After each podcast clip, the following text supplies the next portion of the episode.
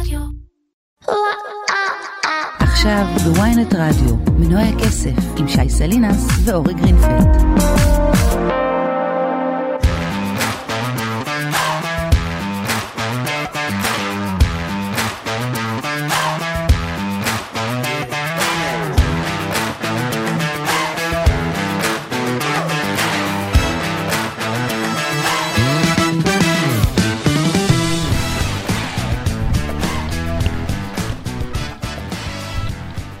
יש סיכוי שבעוד חצי שנה, שנה או אפילו חמש שנים, כשנביט לאחור, נגלה שהיום האחרון בנובמבר היה קו פרשת המים במשבר האינפלציה העולמי.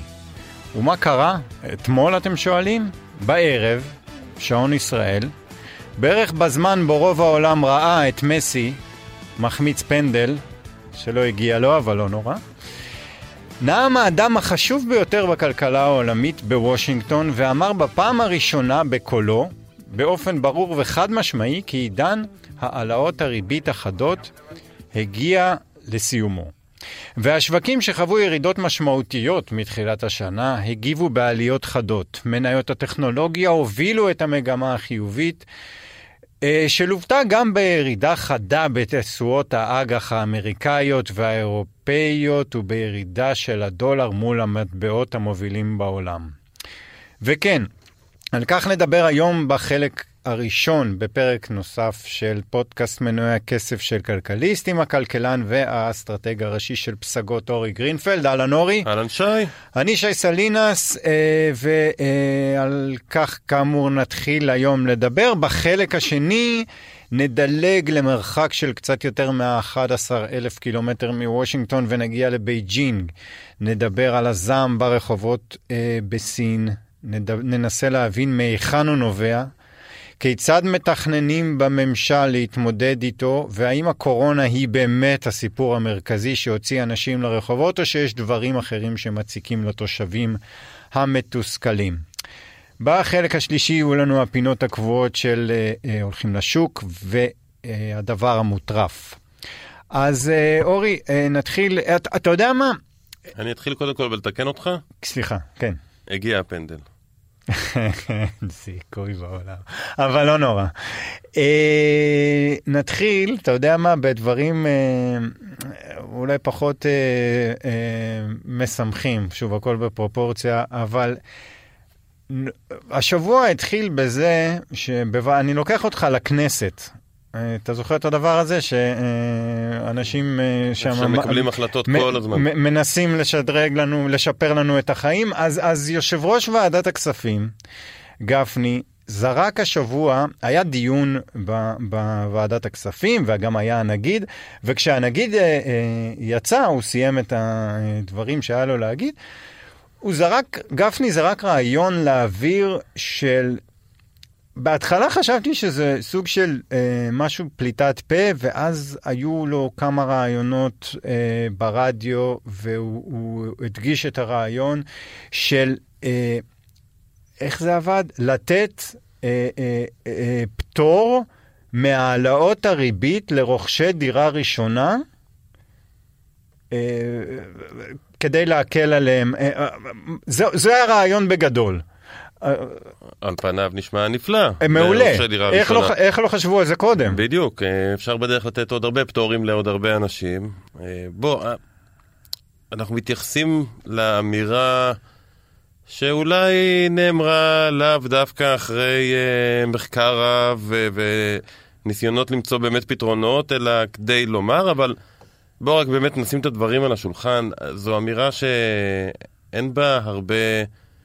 קודם כל היגיון כלכלי. הרי בסוף, כלכלה, בוא, בוא אולי נבהיר אה, שבנק בישראל הוא גוף פרטי, יכול להיות אה, מונפק בבורסה, אבל זה לא גוף ממשלתי, הוא לא נשלט על ידי הממשלה, והמטרה שלו זה בסופו של דבר להרוויח כסף. יותר מזה שהמטרה שלו היא להרוויח כסף, אפשר לריב אם הם מרוויחים יותר מדי או פחות מדי וכן הלאה, אבל בסוף, איך בנק מרוויח כסף? בנק לוקח את הפיקדון שאני שם בבנק ומלווה אותו לך בצורה של משכנתה. כמובן שיש יחסי רזרבה. בסופו של דבר, הפער בין הריבית שהוא משלם לי על הפיקדון לריבית שהוא גובה על ההלוואה, זה אה, הרווח שהבנק לוקח. כמובן, מאוד פישטתי כרגע את כל המערכת הבנקאית. עכשיו, אם הריבית עולה, והוא צריך לשלם לי יותר על הפיקדון, אז הוא צריך לגבות יותר על המשכנתה. זה, זה חייב לקרות. עכשיו, בכלכלה הממשלה רוצה להתערב, עקרונית היא יכולה, אתה יודע, עקרונית אפשר לסבסד, להגיד, אוקיי, אתה זוג צעיר אה, שרוכש דירה ראשונה, אתה, הבנק אה, רוצה על המשכנתה ריבית של 6%, אתה תשלם את ה-6% האלה, אבל אנחנו, הממשלה, נחזיר לך בעצם 3% כל חודש, אה, כדי לשמור על איזשהו רף נמוך יותר, או נעשה לך למשל אה, אה, הפחתה במס שאתה משלם, אפשר למצוא כל פתרון שהוא. אבל מה יקרה בכזה מצב? מי ייקח את השלושה אחוזים האלה? בסופו של דבר הבנק. הבנק. אם אני הייתי מוכן לשלם כזוג צעיר שישה אחוזים משכנתה, אז הבנק יגיד, אה, נכון, שכחתי, הממשלה מחזירה לך. אז אתה תשלם ריבית של תשע, ואז יחזירו לך אה, שלוש, ובסוף אתה תשלם בכל מקרה שש. אז אין פה משחק בסופו של דבר, מה שבעצם יקרה זה שהרי הממשלה תסבסד את הבנקים. כן. זה, זה קודם כל בצד הכלכלי. אפשר להפוך את זה, ואתה יודע, נכנס, ישבתי, אני באמת, אני לא, לא רוצה להגיד את זה בצורה אה, קשה מדי, אבל בזבזתי על זה אולי שעה וחצי, ניסיון להבין, אולי כן יש דרך חכמה לעשות את זה. אה, אפשר להחליט שמשכנתה היא מוצר יסוד אה, במחיר מפוקח. כמו למשל חמאה או לחם אחיד, לצורך העניין. גם, עוד פעם, זה לא מוצר אחיד, משכנתה, אבל נגיד שמוצאים איזושהי דרך, מה שקורה בדרך כלל אה, בכזה מצב, אנחנו נראה בעצם ירידה חדה באיכות. זאת אומרת, נגיד ומוצאים דרך לעשות משכנתה אחידה במחיר מפוקח לזוגות צעירים מעל אה, גיל 25 ועד גיל 32 ויומיים, מאזור כזה וכזה בארץ, עם הכנסה כזו וכזו. מה שקורה, מה שיקרה בכזה מצב זה שהאיכות מאוד מאוד תרד. בוודאי. הבנק לא ירצה לתת כאלה משכנתאות, א', וגם אם הוא יהיה חייב לתת, כי הממשלה מכריחה אותו איכשהו, אז הוא ייתן משכנתה באיכות נמוכה, ואתה תסגור את המשכנתה, השמאי במקום לחכות לו שבועיים, אתה תחכה לו חצי שנה, ובסוף אתה כמובן לא תקנה את הדירה. בקיצור, אין, אין באמת שום דרך, ואתה יודע מה, גם אם זה עובד וזה עובד וזה עובד, אין בכלל דרך טכנית ליישם דבר כזה. אתה זוכר את התקופה של הקורונה? שרצו להעביר כסף למשקי בית, כן. ועשו מבצע, כולם מקבלים, ואז היו המון התרעמויות. רגע, למה בן אדם שמרוויח אה, 40 אלף שקל אה, שכר צריך לקבל בעצם את אותה, את אותה מתנה לחג זה היה אז, שמקבלים אנשים עם אה, הכנסה נמוכה, והתשובה של הממשלה הייתה, אנחנו לא יודעים באמת לעשות ברגעי האמת את ההבדלה הזו, כל אחד מה מבחן ההכנסה שלו וכן הלאה. אז איך הם ידעו להגיד לכל זוג צעיר, לך אני צריך להחזיר עכשיו 384 שקל על התשלום משכנתה החודשי, ולך רק 228, וכן הלאה, כאילו טכנית זה בכלל לא אפשרי.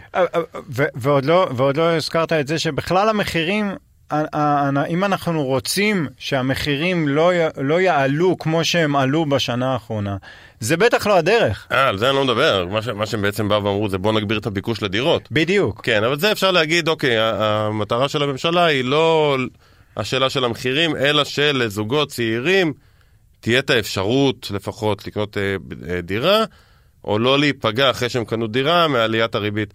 אגב, עליית הריבית זו בדיוק המטרה שלה. בדיוק. לגרום לזה שהמשכנתה שלך מתייקרת כדי שתוציא פחות כסף על דברים אחרים, מה שיוריד את הביקוש למוצרים ושירותים שונים, מה שיוריד את האינפלציה, מה שבעצם הממשלה באה ואמרה, לא הממשלה, סליחה, גפני בא ואמר, אני אמצא דרך לגרום לזה שמדיניות בנק ישראל לא תעבוד.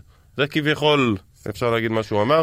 אף אחד לא רוצה, אלא- אף, אף אחד לא רוצה באמת להעלות ריבית. מעלים ריבית כי אין ברירה. חד- אנחנו הרבה פעמים אומרים את זה פה. חד משמעית. אה, אני חושב שאנחנו בסוף אה, באמת מבזבזים אה, חמש. דקות על אמירה שהיא נועדה למטרה אחת בלבד, וזה שיהיה רשום בפרוטוקול שגפני אה, מנסה לעשות משהו כדי לעזור.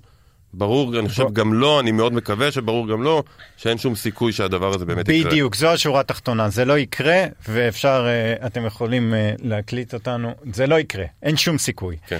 אוקיי, אז בואו נדבר על דברים שכן יקרו, וקרו, יותר נכון.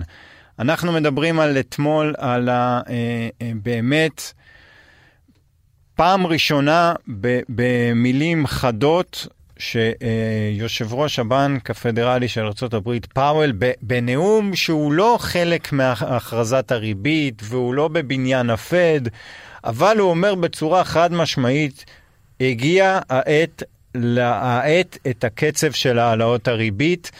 ואתה יודע מה, בהתחלה שמעתי את זה ואמרתי, אז לא, אוקיי, אז אמר, אמר, אבל פתאום אני הסתכלתי על המדדים וקנו מכל הבא ליד, אפשר להגיד. כן, השוק מאוד אהב את זה. אה, בוא נפריד רגע בין מה הוא אמר לבין התגובה של השוק, אני חושב שיש פה אה, שני סיפורים שאפשר להגיד שהם הולכים בקנה אחד, ואפשר להגיד שאולי יש פה איזשהו ניתוק בין הכוונה של הפד לשוק.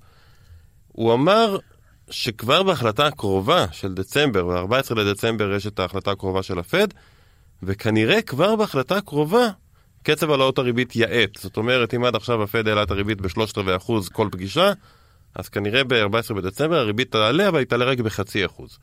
שזה באמת אמירה, כמו שאתה אומר, מוזרה, כי אלה דברים שבדרך כלל עושים בפגישות עצמן, לא עושים את זה אה, סתם בנאום, כן. זה גם לא היה אפילו נאום ל... לפעמים יש את הנאום אה, מול הקונגרס, או יש נאומים בג'קסון הול, שאלו נאומים מאוד נחשבים ו- ומשמעותיים. וזה היה פשוט עוד נאום אחד של פאוול, פשוט הנאום האחרון שלו לפני ההחלטה של דצמבר. הוא ממש סימן לשוק בצורה ברורה, בדצמבר הריבית תעלה כנראה רק בחצי אחוז. אה, למה הוא אמר את זה עכשיו? אגב, כנראה קרה משהו מאז הפגישה האחרונה, או מבחינת הנתונים שהפד רואה, או מבחינת התפיסה שלו, כי הוא היה יכול להגיד אחרי העלאת הריבית של השלושת רבעי אחוז, שזה גם אולי אפילו היה יותר נכון, כי הנה אני מעלה בשלושת רבעי, אני עושה את הצעד שצריך לעשות, אבל אני גם מרגיע את השווקים קדימה. אז זה היה כאילו יותר חכם לומר את זה אז, ובכל זאת זה לא קרה. אז אולי משהו באמת השתנה בתפיסה של הפד. כן חשוב לשים לב. אבל זה חשוב להדגיש לפני זה לא מפסיקים להעלות ריבית. בדיוק מה שרציתי להגיד, שצריך לשים לב שהוא לא, אפילו יותר מזה, הוא אמר שהם עדיין מאוד חוששים מהאינפלציה, הוא הדגיש את זה, זה לא מבחינתם שהאינפלציה נגמרה, אבל הם כנראה קצת פחות חוששים מהאינפלציה, או מה, מהבריחה של האינפלציה, מחוסר השליטה שלהם עליה, ואולי הם קצת יותר מודאגים מההתפתחויות הכלכליות שהם רואים במשק, או במילים אחרות מההאטה שכן, הנתונים שיצאו בשבועיים האחרונים מראים בצורה מאוד ברורה שההאטה הולכת ומתגברת. אה, אז הם ימשיכו לעלות ריבית, רק במקום לעלות בשלושת רבעי כל פגישה הם יעלו בחצי אחוז, ואז אולי בעוד חצי אחוז, ואז אולי עוד ברבע, ואולי עוד ברבע. זאת אומרת, בסוף, מבחינת לאן הריבית תגיע, כביכול לא באמת משהו השתנה. פד יכול להמשיך להעלות את הריבית בחצי אחוז כל פגישה, עדיין מה שפאוול אמר רלוונטי, והריבית יכולה להמשיך לעלות ולהגיע לחמישה וחמישה וחצי אחוזים ואולי אפילו יותר מזה, זה כן נותן להם יותר מרחב נשימה. זאת אומרת, נעלה בחצי, נחכה לפגישה הבאה, נראה את הנתונים שיוצאים, נעלה עוד פעם בחצי אם צריך, נחכה לפגישה הבאה, נעלה ברבע. ככל שאתה מכווץ את העלאות הריבית שלך, ככה גם בעצם אתה אה, יכול לבחון את ההתקדמות על פני הזמן בצורה נוחה יותר ולא בלחץ. אז זה, זה הקל עליהם. עכשיו, מבחינת השווקים, השווקים רואים רק דבר אחד, את המגמה לאורך זמן. מה שהם בעצם אומרים זה שאם פאוול אמר שהוא מאט, מתי אתה מאט? אתה מאט לקראת עצירה. ומתי אתה עוצר? אתה עוצר לקראת הפחתה. אז נכון שזה לא, ה... כולם מדברים על הפיבוט הזה, היום שבו הפד ישנה את הכיוון ויתחיל להוריד את הריבית, אבל זה בעצם כן הפיבוט, כי אף אחד לא ציפה שיעלו את הריבית בשלושת רבעי ופגישה אחרי זה הריבית תרד. כן. ברור שיש פה תהליך, ועצם זה שעברנו עוד שלב במדיניות של הפד, עוד שלב בתוואי הזה של בין העלאות ריבית מהירות לאיטיות יותר, לעצירה, הפסקת העלאות הריבית, ואז בשלב כלשהו התחלה של ירידות, אז עצם זה שעברנו לשלב נוסף, אתה יודע, כמו ביקומים של מרוויל, עברנו עוד שלב, ועכשיו השווקים אומרים, אוקיי, אנחנו הולכים ומתקרבים למתישהו בעתיד, אולי לא החודשים הקרובים, אבל אולי בסוף 2023, של הפחתות ריבית, ואלה חדשות טובות. אה, על זה אפשר להתווכח אם אלה באמת חדשות טובות. כן, אפשר, אפשר, אפשר גם להגיד את זה בצורה אה, אה, הפוכה, שבשביל שהפעם הבאה יעלו, או בפעמים הבאות יעלו ריבית באותו קצב, צריך לקרות משהו ממש דרמטי בש, ב, בכלכלה האמריקאית והעולמית. כנראה, כנראה אפילו כדי שיהיה לנו יותר משתי העלאות של חצי אחוז צריך לקרות משהו דרמטי, כי כשאתה מתחיל את התהליך ההאטה הזה הוא גם בעצמו הולך ומתקדם. השאלה פה מבחינת השווקים, וראינו את התגובה של המניות, ראינו את התגובה בשוקי האג"ח, שאגב, עוד פעם מספרים זו נקודה סיפור, מעניינת, כן. מספרים סיפור אחר לגמרי. כי אם אנחנו מסתכלים על שוק האג"ח, אז התשואה על אג"ח לשנתיים ירדה, כל, ה, כל התשואות לכל הטווחים ירדו, עוד פעם נסביר שהתשואה על אג"ח לשנתיים מתמחרת לנו בעצם מה הריבית הצפויה להיות במשק בשנתיים הקרובות. אז אם הפד אותת שהעלאות הריבית יהיו איטיות יותר, אז כמובן שגם הריבית הצפויה לשנתיים הקרובות צריכה להיות יותר נמוכה ממה שידענו קודם לכן. אבל מה שראינו, ראינו שהתשואה לשנתיים ירדה ב, אם אני לא טועה, 4 נקודות בסיס או 0.04 אחוזים, והתשואה לעשר שנים, הארוכה יותר, ירדה אפילו ב-11 נקודות בסיס. נכון. מה שאומר שעקום התשואות, שגם ככה הוא שלילי, עקום שלילי מלמד אותנו בעצם על צפי למיתון, הפך להיות יותר שלילי. במילים אחרות, שוק האג"ח בא ואומר, לא סתם פאוול בא ואמר את מה שהוא אמר, כנראה הוא מרגיש שההאטה, שפעם חשבנו שתהיה איטית ונעימה, הולכת הרבה יותר לכיוון של מיתון, ולכן הם מתחילים להרגיע את העלאות הריבית. אבל עדיין התשואות יורדות בג... כי התשואות אה, בעצם אה, קשורות לריבית הבסיס של הפד. כן. הר... זה בכללי, כל התשואות זה יורדות. תמיד נכון, התשואות הקצרות הן ממש בבואה של הריביות הקצרות. התשואות הארוכות, בגלל שאף אחד לא באמת יודע מה תהיה הריבית הממוצעת לעשר שנים, מתארות גם מה צפוי לקרות לה במחזור הכלכלי. והקום שהוא כל כך שלילי כמו היום, זאת אומרת התשואה לעשר שנים הרבה יותר נמוכה מהתשואה לשנתיים, מראה לנו שיש צפי להאטה חדה בכלכלה, שלא לומר מיתון והפחתות ריבית.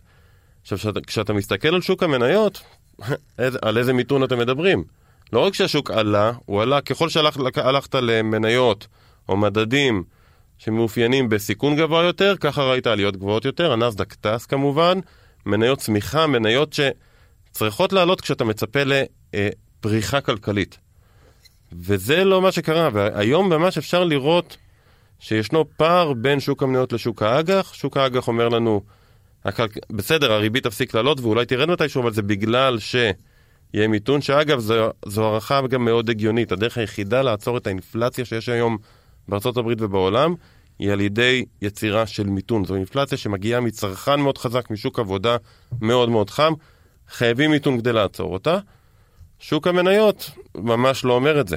אה, והדיקפלינג הזה, היסטורית לפחות, אה, מראה ששוק האג"ח בדרך כלל הוא זה שצודק. אה, נראה, נראה איך הדברים אה, מתקדמים. צריך לזכור גם, הרבה פעמים יש לנו רלי סוף שנה, ואולי בתחילת שנה דברים משתנים. אף אחד לא רוצה לראות ירידות בסוף שנה, כי... זה, זה, זה אגב, זו אגב, אה, אה, זה לא אגדה, הרלי סוף שנה. לא בדיוק, לא. זאת אומרת, לא כל שנה יש לא, רלי. סטטיסטי, לא, סטטיסטיקה, ברוב השנים יש רלי בסוף שנה. כן, כן. אה, סטטיסטית. סט... תראה, סטטיסטית, תמיד אני אומר, אה, בכלל, סטטיסטית, שוק המניות עולה 75% מהזמן. עכשיו, הרבה פעמים כשמדברים למשל על הבחירות, אז באים ואומרים, סטטיסטית, כשהמפלגה הרפובליקנית בשלטון, אז שוק המניות עולה 75% מהפעמים. כן. הוא תמיד עולה 75% מהפעמים. אז לגבי דצמבר ספציפית, זה נכון שזה לא תמיד קורה, אבל כן יש היגיון, בסוף, סוף שנה, אף אחד לא רוצה לראות את השוק יורד. זה פוגע במאזנים של החברות, זה פוגע כמובן במוסדות הפיננסיים בוול סטריט, ופוגע אחרי זה בבונוסים של סוף שנה. אבל גם החברות עצמן לא רוצות לראות ירידות, אה, רוצות להגיע לדוחות של סוף שנה עם אה, מספרים טובים יותר. אה, אז כן, יש בזה בסופו של דבר איזשהו היגיון. אוקיי, אנחנו נצא להפסקה, נשמע שיר, ולאחר מכן נדבר קצת על סין.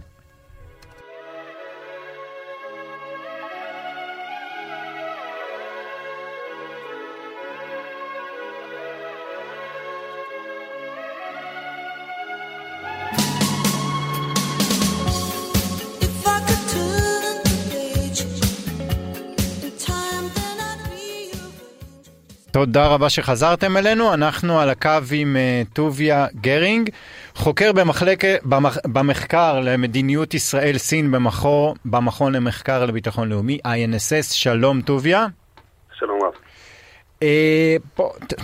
תן לי להתחיל מהשאלה שאנחנו עוד רגע ב-2023, ואני חושב שמישהו הודיע לסינים שהם, שאין כבר אה, מגפת קורונה עולמית? איך זה? מה... אז uh, במקרה היום, ביום הראיון, בדיוק שלוש שנים לגילוי של המקרה הראשון ברוהאן. ידענו, מזל טוב. כן, כן. אה, וסין התגאתה בשנתיים הקודמות שהיא הייתה הראשונה להיכנס למגפה והראשונה לצאת. והדבר גם התבטא בגרף הצמיחה שלה, שהוא הראה וי מושלם, שהיא הייתה מהכלכלות המובילות בעולם אה, עם צמיחה חיובית ולא שלילית בשנה שעברה. ולפתע הדברים התהפכו וה... והברכה הפכה לקללה. אה, אחת מהסיבות שסין הצליחה למגר את הנגיף בצורה כל כך טובה היא לא בגלל חיסונים או דברים אחרים, או התפשטות של הנגיף כמו שקרה במערב, כולל אצלנו, אלא במדיניות שהיא כינתה אפס קורונה דינמי. אה, מה שזה אומר בפשטות זה בכל רגע שיש התפשטות או מוקד הדבקה חדש, אז ימגרו אותו בכל הכלים האפשריים באמצעות בדיקות אינטנסיביות, באמצעות סגרים וגם באמצעות שליחה של חולים וגם מגעים שלהם למקומות לבידוד. והם חושבים שזה ימגר את המגפה? הם... אז אה, יש אה, להם על מה להסתמך. השיטה הזו אכן עבדה עד לפני שנה, אך מה קרה? עם התפרצות האומיקרון, שהוא הרבה יותר מדבק, אז אה, קרו כמה דברים. אז כל התפשטות חדשה שנכנסה, התחילה בבודדים, גם אותם הם הצליחו בשלבים הראשונים למגר.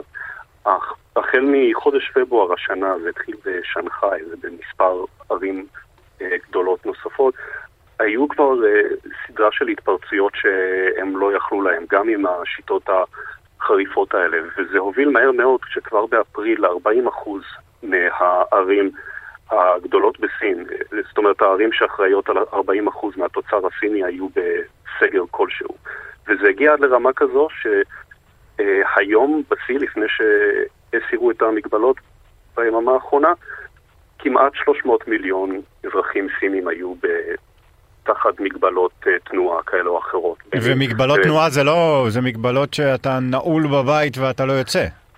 כן, תדמיינו למאזינים את הסגר הגדול שעשינו החל מחודש מרץ או אפריל ב-2020, אז אה, פשוט הכל מההתחלה, והאכיפה בסין היא הרבה יותר אה, קפדנית, מיותר לציין, והתוצאה היא גם ההשפעות שיש על המצב הנפשי של האזרחים בסין, וגם ההשלכות על הכלכלה, שזה אפשר להרחיב בהמשך.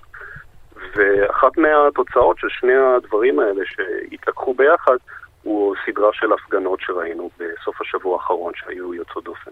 אוקיי, אז לפני שנגיע באמת למשמעות על הכלכלה, למה הם לא פשוט אה, משנים כיוון? זאת אומרת, ראינו במערב וכמעט כל העולם, שבסופו של דבר, אה, אחרי אה, מבצעי חיסונים, לומדים לחיות עם הקורונה, וישנם מקרים, אה, אבל אפשר להתמודד עם, ה, עם המחלה, וזה כבר לא מגפה, אה, וחוזרים לחיות. למה הם לא מאמצים את אותה שיטה? אמ, אז יש לזה שתי תשובות. השיקול הראשון הוא שיקול של רפואה ציבורית, שהוא לכאורה קל ואובייקטיבי, והשיקול השני הוא פוליטי, והוא החשוב יותר. אז ברמה האובייקטיבית, אם אמ, סין יעברו לחיות עם הנגיף, במרכאות, כמו שהמערב חי, אז האפידמיולוגים צופים שעלייה פי 16 בהתאשפזויות בבתי החולים, בטיפול נמרץ, ומספר המתים נע בין מיליון וחצי לארבעה מיליון, אה, ומבחינת עלות תועלת זה משהו שברמה פוליטית וחברתית לא בטוח שסין הייתה מוכנה לספוג. גם לוגיסטית? זאת אומרת שלוגיסטית הם לא יכולים להתמודד עם זה? זה, מזה כן, הם חוששים?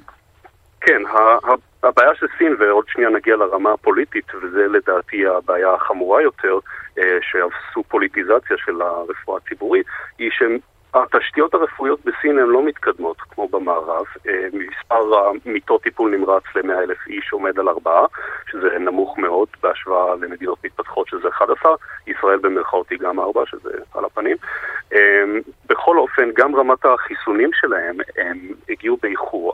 נכון לעכשיו 90% מהאוכלוסייה אה, בסין, שזו כמות אסטרונומית, קיבלה כבר שני חיסונים, אבל כשמסתכלים על כמות האוכלוסייה שקיבלה בוסטר, חיסון שלישי ומעלה, הנתונים הם פחות אופטימיים. אה, אם מסתכלים רק על האוכלוסייה בסיכון גבוה, למשל אה, גילאי 80 ומעלה, אז המספרים הם יורדים לאזור ה-60 וחמישה אחוז שקיבלו חיסון שלישי, זאת אומרת שליש מהאוכלוסייה בסיכון גבוה אינה מוגנת. ואם אתה נותן לנגיף כמו אומיקרון, המדבק במיוחד, להתפשט דרך האוכלוסייה, אז שוב חוזרים לשיקולים של עלות תועלת.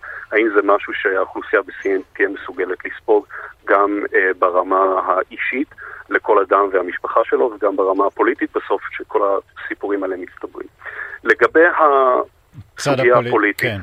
ש, שזה באמת לדעתי הבעיה העיקרית. אתה שואל בצדק, איך יכול להיות שהעולם כבר הספיק להתחסן כמה פעמים, ואנחנו חיים בשגרה. אני היום הלכתי לעבודה והרציתי לקהל של אנשים בחדר סגור, וטסתי השבוע לחו"ל והכל כרגיל, וסין עדיין חיים ב-2020. אז הסיבה הגדולה ביותר לאיטיות הזו של התגובתיות הסינית היא ההאטה במתן חיסונים.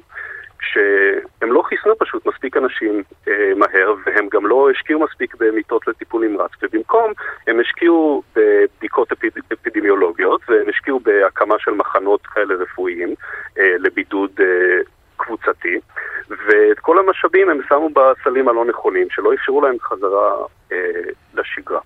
יכול להיות, אחד. שזה היה... כן. ש- יכול להיות שזה היה... אה, זו הייתה סוג של אה, תוכנית אה, של שי לקבל שליטה עד לאשר הוא יוכתר בפעם השלישית? אז זה משהו שהרבה אנשים הניחו, וזה ייגע גם בנקודה השנייה. בסופו של דבר, הכלים האפידמיולוגיים למיגור הנגיף הם הפכו את סין,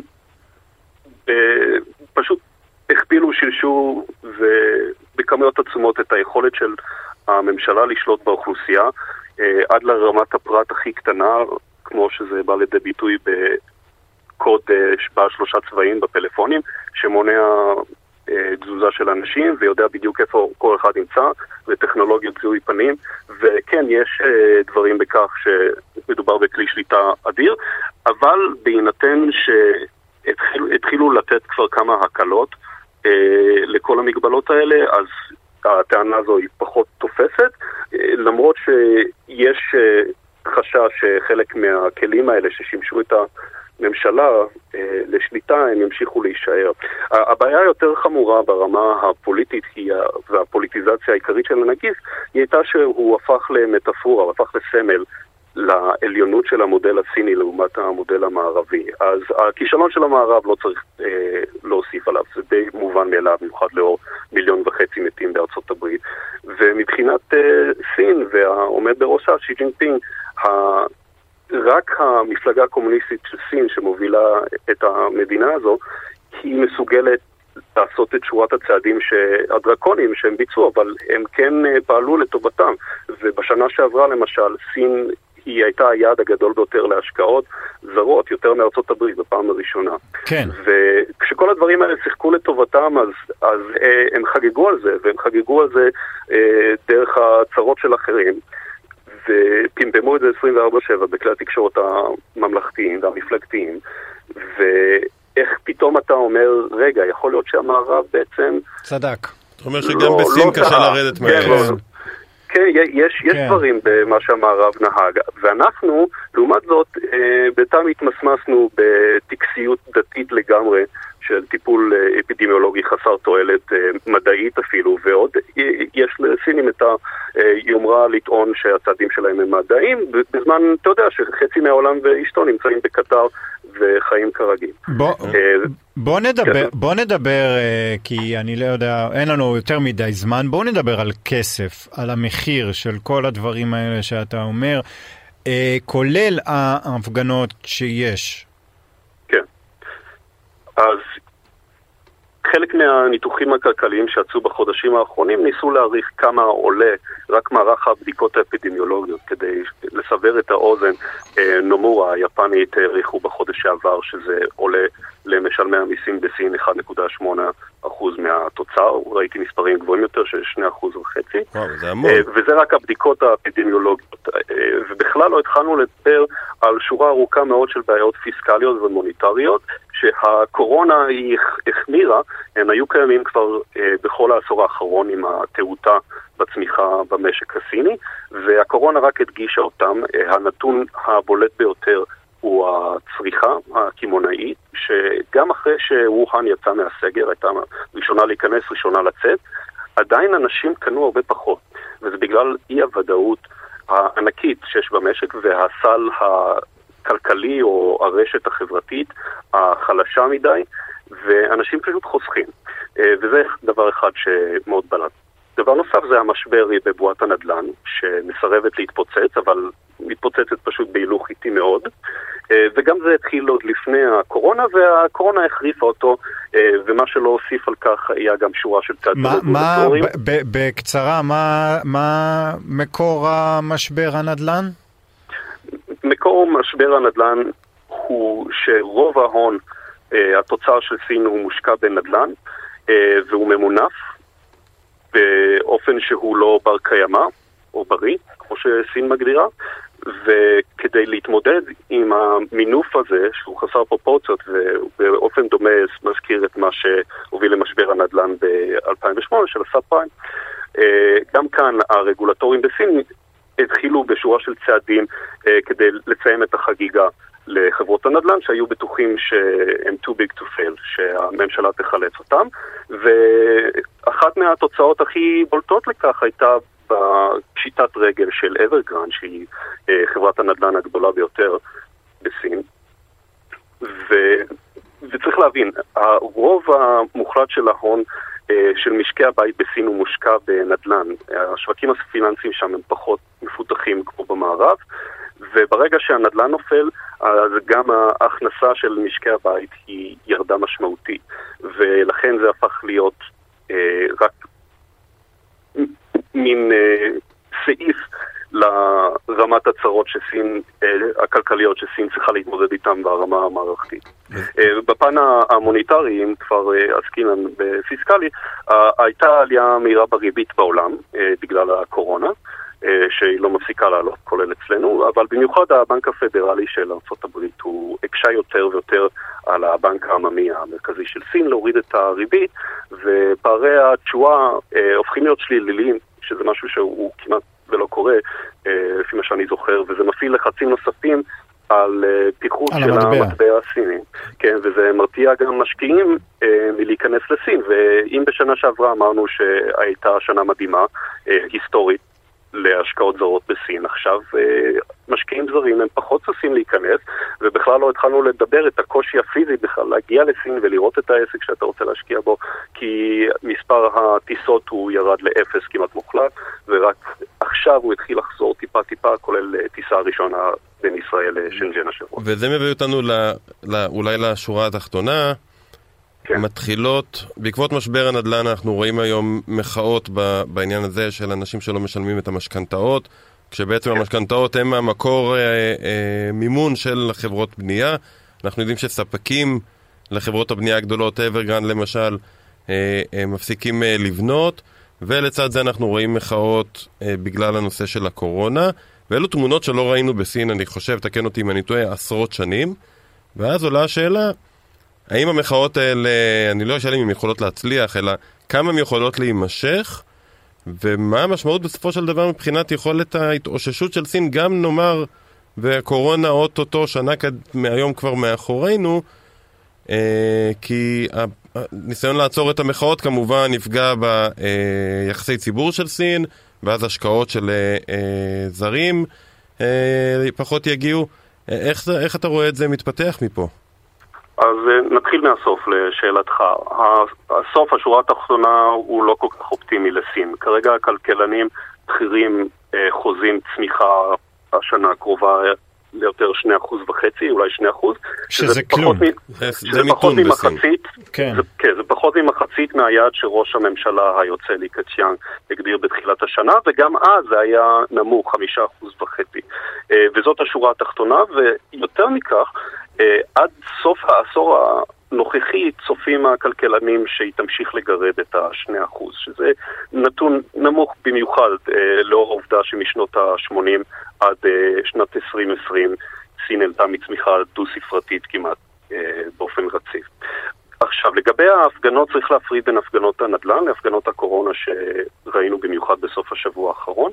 הפגנות בסין יש כל הזמן, וההפגנות שהיו בסוף השבוע הן יוצאות דופן בגלל מספר המוקדים הפעילים במקביל על אותו נושא, שזה משהו שהוא לא קורה בדרך כלל. ההפגנה עם אברגן היא גם הייתה דומה לזה במקצת אה, בגלל כמות החשיפה, אבל הפעם מדובר במספר אפילו גדול יותר של 17 חבלים לפחות, אה, 80 קמפוסים לפחות אה, של אוניברסיטאות, וגם בערים מרכזיות. מה- מה הטריגר? ראינו- מה- מה- היה איזשהו טריגר?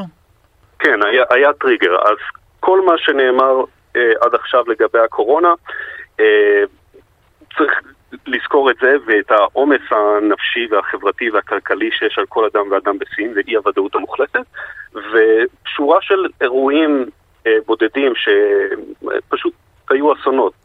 אה, הובילו להתפוצצות הנוכחית. ספציפית הייתה שריפה באורומצ'י, שזו בירת אה, שינג'יאנג, ומתו שם אה, לפחות עשרה אנשים, וככל הנראה הם מתו בגלל שסגרו אותם בבניין בגלל מגבלות אפס הקורונה והם לא יכלו לצאת, ואז להוסיף חטא על פשע גם הרשויות האשימו את המשפחה בכך שלא ניסתה מספיק לחלץ את עצמם.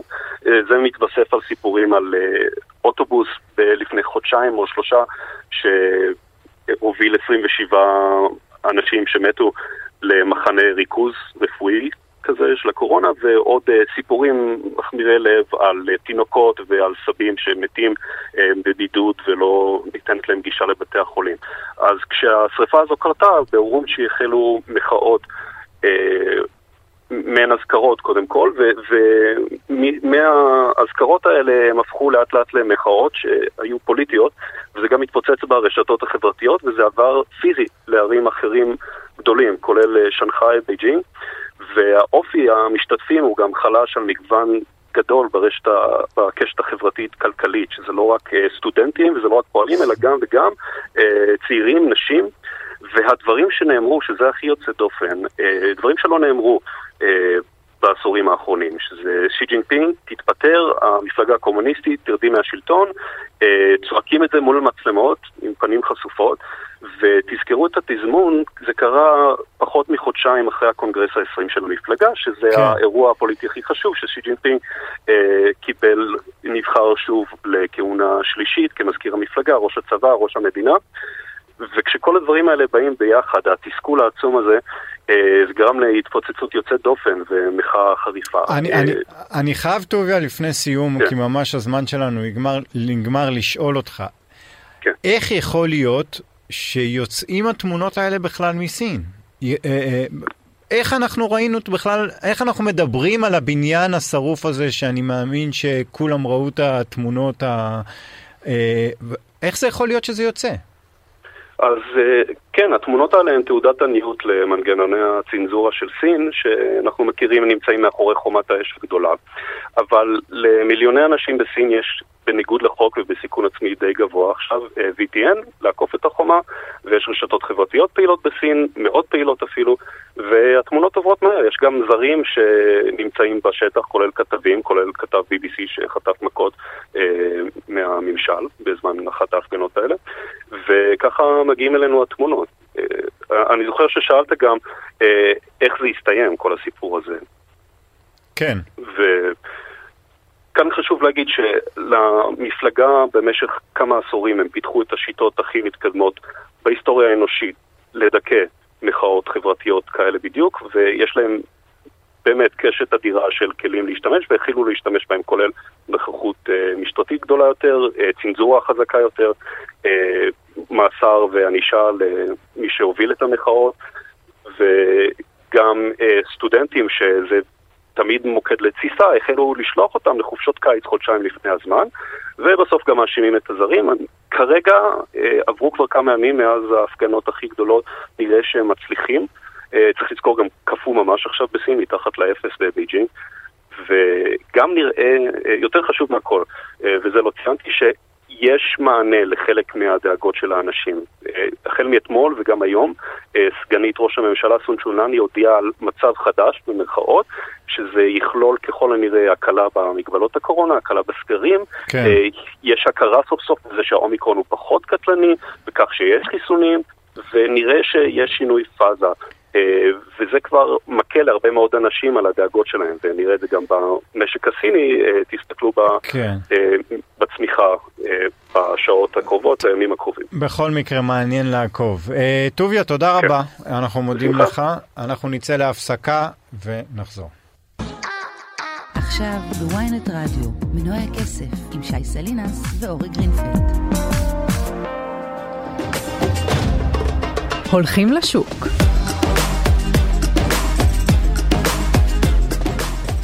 תודה רבה שחזרתם אלינו. אנחנו עם הפינה שלנו של הדברים החשובים שחשוב, שכדאי לשים אליהם לב בשבוע הקרוב, ומה עושים השווקים. אז דיברנו בהתחלה על התגובה האופטימית של השווקים. נכון לעכשיו התגובה, אה, המגמה החיובית נמשכת, אמנם לא בעוצמות של 4% ומעלה שראינו אתמול בנסדק, אבל בהחלט אה, אה, מסכים ירוקים. לגבי נתוני המקרו, עוד לפני שנגיע מה יהיה שבוע הבא, אה, יצא עכשיו הנתון שהפד מגדיר אותו, נכון? כנתון החשוב ביותר? אה, הפד מגדיר אותו כאינפלציה שאחריה הוא באמת מסתכל. אה, צריך להבין, בארצות הברית יש לנו בעצם שני מדדי אינפלציה עיקריים, האמת שיש יותר מזה. אחד נקרא CPI, Consumer Price Index, שזה בדיוק מה שאנחנו מכירים גם בארץ בתור מדד המחירים לצרכן, והשני נקרא PCE, שזה uh, Purchasing uh, Consumer, שכחתי כבר, לא חשוב, אבל בואו נסביר בדיוק את ההבדל ביניהם.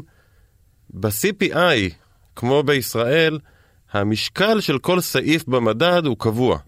זאת אומרת, בואו ניקח לדוגמה, אה, בתוך אה, סל התצרוכת שלנו, אנחנו קונים, אה, משפחה ממוצעת קונה תפוחי אדמה ובטטות.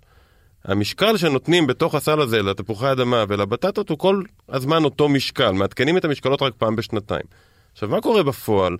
אם נגיד המחיר של תפוחי אדמה יעלה בצורה משמעותית, אנשים הולכים לסופר, הם לא יקנו תפוחי אדמה, הם יקנו בטטות, ולכן הפגיעה של עליית מחירי תפוחי אדמה על כוח הקנייה שלהם היא לא... היא לא משמעותית, היא פחות משמעותית, כן. בוא נגיד, ממה כן. שהמדד מראה לי. במדד ה-PCE הנתונים נלקחים בעצם מההוצאה הצרכנית של הצרכן האמריקאי שנמדדת כל חודש, בוחנים בעצם על מה אנשים מוציאים את הכסף, ואז המשקלות במדד מתעדכנים כל הזמן בהתאם לדברים שבאמת הצרכנים קנו. ולכן זה מדד מדויק יותר, והפד תמיד אומר שהמדד שהכי מעניין אותו בעצם זה אה, המדד של ה-PCE, וגם ב, הוא מסתכל בעצם על מדד הליבה. וכמו שראינו אה, בנתונים, אז אה, אה, אה, יש האינפלציה... ירידה, ש- בדיוק. אפס, היה צפי אה, תחזיות לעלייה של חצי אחוז, ובסוף של, אה, שלושה עשיריות, אה, שלוש עשיריות, שלוש סליחה. עשיריות, והאינפלציה עצמה, אם מסתכלים על האינפלציה השנתית, היא בעצם ירדה על אינפלציית הליבה, שעוד פעם, זה מה שמעניין את הפד, בלי האנרגיה והמזון. אז ראינו ירידה מ-5.2 ל-5 אחוזי אינפלציה, שזה עוד סימן לכך שלפחות בעיניים של הפד, הלחצים האינפלציוניים הם פה עדיין, אבל הם לא חזקים כמו שהם היו לפני שלושה, ארבעה, חמישה חודשים, ולכן הוא מרשה, ובצד השני, הסימנים להאטה הולכים ומתגברים, ולכן הוא מרשה לעצמו להתחיל לא לעצור, אבל הוא מוריד את הרגל מהגז. זאת אומרת שנתוני המקרו מתחילים להתיישב עם, ה... עם מה שהוא אמר בעצם אה, אתמול. בדיוק, וסביר להניח שככל שנתקדם ב-2023, ממש בחודשים הראשונים, נמשיך ונראה את האינפלציה יורדת, ואז בשלב כלשהו גם יעבור, יתחיל לדבר על עצירת העלאות הריבית, לא רק העלאה בקצב מתון יותר. אה, אז לגבי הנתונים, מחר אה, יש את אה, דוח התעסוקה בארצות הברית, הצפי הוא לתוספת של 200 אלף עובדים למגזר הלא חקלאי, והאבטלה על 3.7 אחוזים, השכר הממוצע על אה, עלייה שנתית של 4.6 אחוזים. כן, שפה זה התמתנות. נכון. אה, ואנחנו, בעצם הצפי הוא ששוק העבודה יראה את מה שהפד רוצה שהוא יראה, וזה התמתנות בקצב עליית השכר. או במילים אחרות שהלחצים האינפלציוניים שמגיעים משוק העבודה הולכים ופוחתים, כי אלו הלחצים האינפלציוניים שהכי מפחידים את הפד. ככל שהשכר הולך וגובר, ככה גם המעסיקים נאלצים להמשיך ולהעלות מחירים כל הזמן, וחוזר חלילה. אה, ואם באמת אנחנו נראה את הנתונים אה, יוצאים כמו שהצפי הוא כרגע, אז יהיו עוד חדשות טובות אה, מבחינת המדיניות של הפד. כדאי לשים לב שיש נתון שמתפרסם כל שבוע, והוא כמה אנשים חדשים הגיעו לבקש דמי אבטלה. זה נתון שמתפרסם מדי כן. שבוע בארצות הברית, ובשבועות האחרונים אנחנו מתחילים לראות שם עלייה. זאת אומרת, כן כנראה, זה בדרך כלל גם הנתון הראשון שמגיב לשינוי בשוק העבודה, כנראה שכן רואים שינוי, אה, ולאט לאט אנחנו נראה פחות ופחות אה, מחסור, מחסור כן. בעובדים, ואז הלחץ על השכר עוד יותר יפחת וחוזר חלילה, וכל הסיפור הזה של האינפלציה כנראה מתישהו יהיה מאחורינו. עוד פעם, בעלות של פגיעה בכלכלה, פגיעה בצרכן, פגיעה בחברות, אבל זאת בדיוק הדרך לעשות את זה, זו העבודה של הבנק המרכזי. אוקיי, מעבר לזה, בשבוע הבא אין נתונים uh, ממש דרמטיים. יש uh, ביום שני את uh, מדד מנהלי הרכש בארצות הברית, ברביעי יש את התמ"ג באירופה על 3.9 אחוזים, ובשישי uh, מדד המחירים ליצרן, כל זה לפני הנתונים הרשמיים של המדד שייצאו בעוד שבועיים.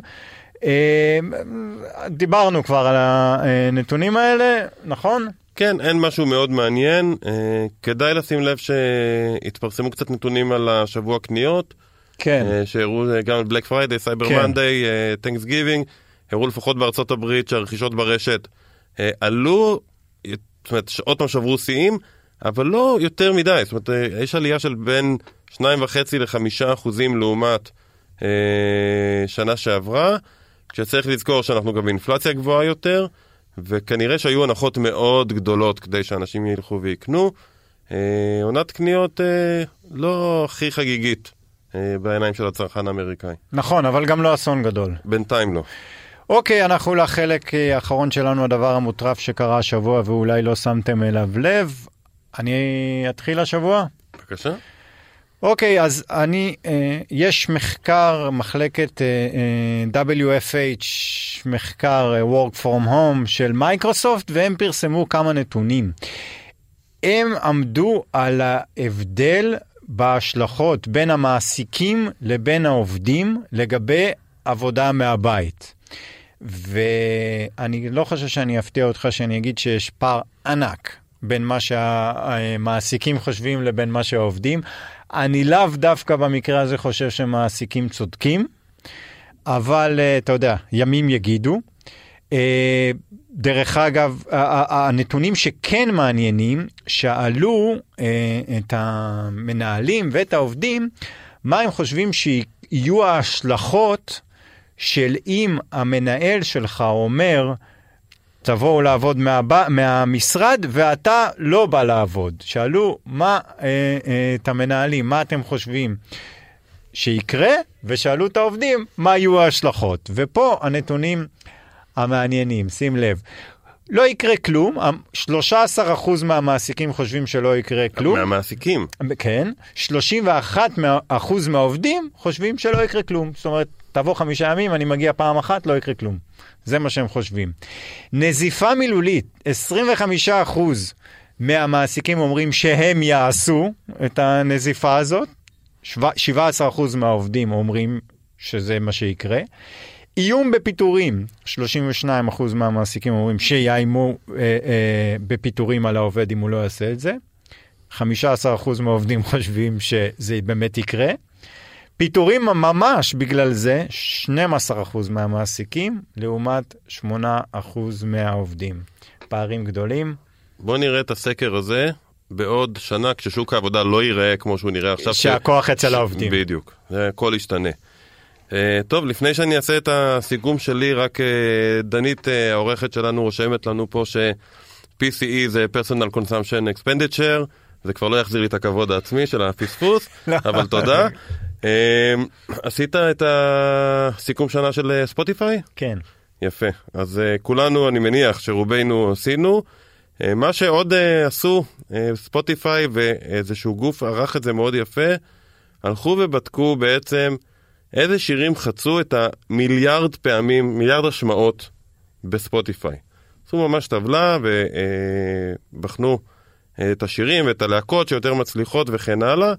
וכשאתה מסתכל על הטבלה הזאת, אתה יכול מאוד מהר להבין אה, מה הגיל שלך. אם מסתכלים על שירים מה-70's, מי מככב? Queen, אוקיי. אה, ACDC, Journey, אה, Police, אחרי זה אנחנו עוברים ל-80's, יש לנו Police, אהה, 90's, יש לנו Nirvana, יש לנו אה, כמובן את ההיפ-הופ שהתחיל, אורייזיס באיזשהו שלב, הכל דברים, Dr. Dre, דברים שאנחנו כולנו מכירים. נכון? בינתיים אתה איתי. כן. אמינם, Killers, ממשיך קדימה, ואני מגיע לאד שירן, אתה מכיר. כן. אגב, הוא מספר אחד. יש לו 11 שירים של למעלה ממיליארד, אבל דברים כמו Juice WRLD, אתה מכיר? לא. Glass Animals, אתה מכיר? שון מנדס, אתה מכיר? ככל שאתה יורד שם ליותר ויותר מצליחים, ככה אתה מבין שזהו, עבר זמנך. תודה רבה שהאזנתם לנו, תודה לדנית סמית העורכת שלנו ולטכנאית מור אופפר. נשתמע בשבוע הבא. מבקשת לחבק אותך שעות. אשים שירים שאת אוהבת. אתן לך יום להירגע. אני נגנב כשאת צוחקת ככה אליי. תגידי מה את מבקשת